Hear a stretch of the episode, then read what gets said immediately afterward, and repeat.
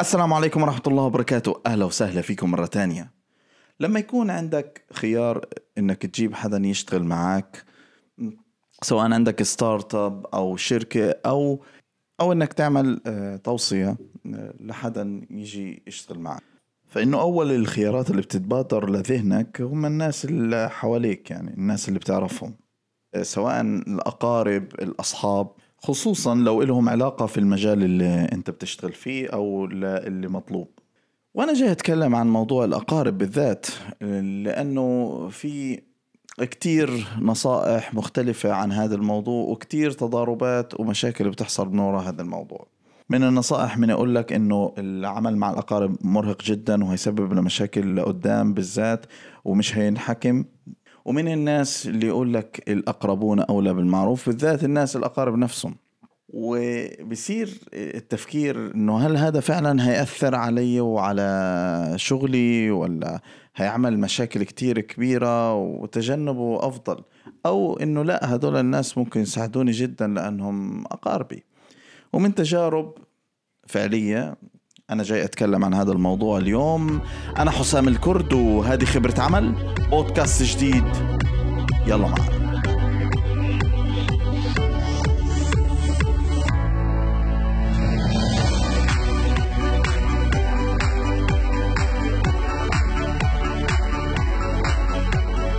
الدائرة القريبة من الشخصية مهمة هي ممكن تساعده إنه ترفعه وممكن إن هي تشده لورا.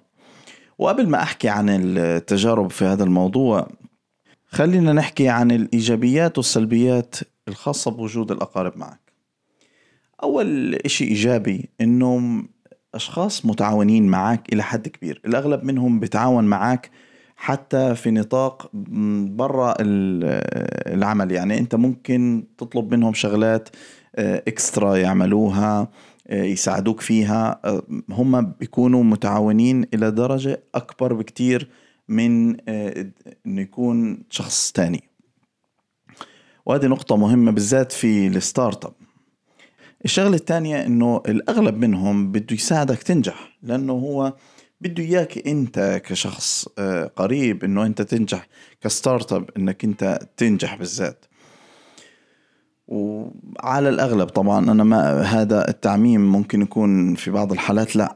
يعني ما بنفع إنه إحنا نعمم على كل الحالات ولكن على الأغلب إنه الناس اللي معك هذه الأقارب اللي بتيجي معك هي ناس بدها تساعدك تنجح. وبالتالي لو لقوا أي خلط أو مشكلة في في العمل يعني مثلا اتعرضت ل...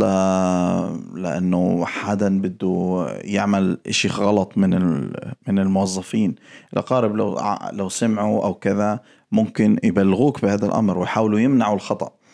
فهذه إيجابيات انه يكون معك ناس أقارب في العمل. السلبيات على نقيض تماما هو بيكون في آه، خطورة لأنه كل ما زادت درجة قرابة هدول الناس كل ما ممكن يعملوا لك مشاكل في داخل الوسط العائلي.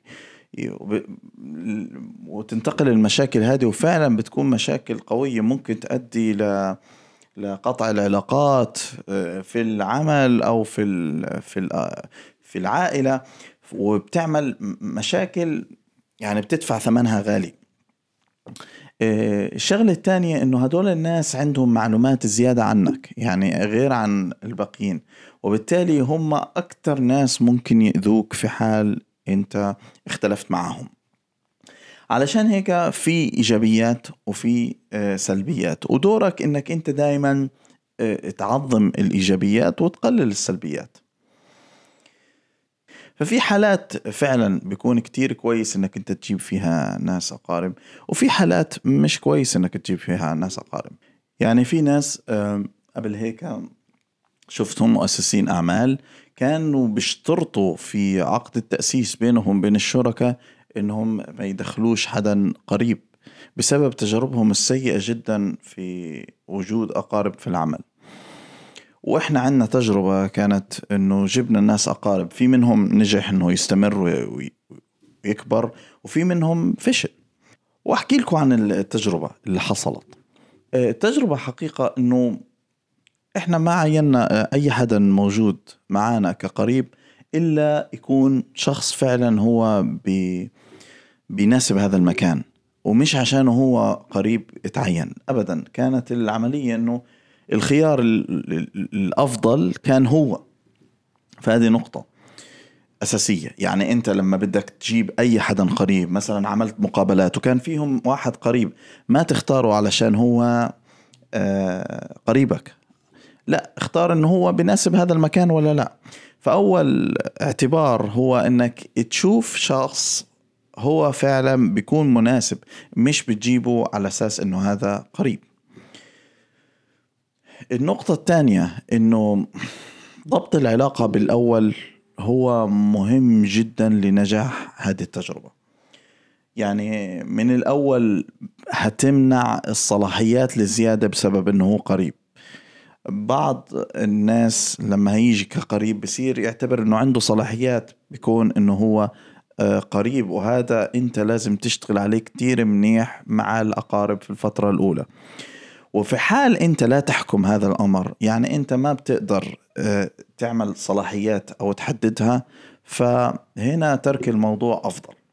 لكن إذا أنت بتقدر تبني العلاقة من الأول وتضبطها إنه يكون ما فيش صلاحيات زيادة بسبب إنك أنت قريب ف ففي البداية هتواجه كتير مشاكل لكن بعد هيك هترتاح.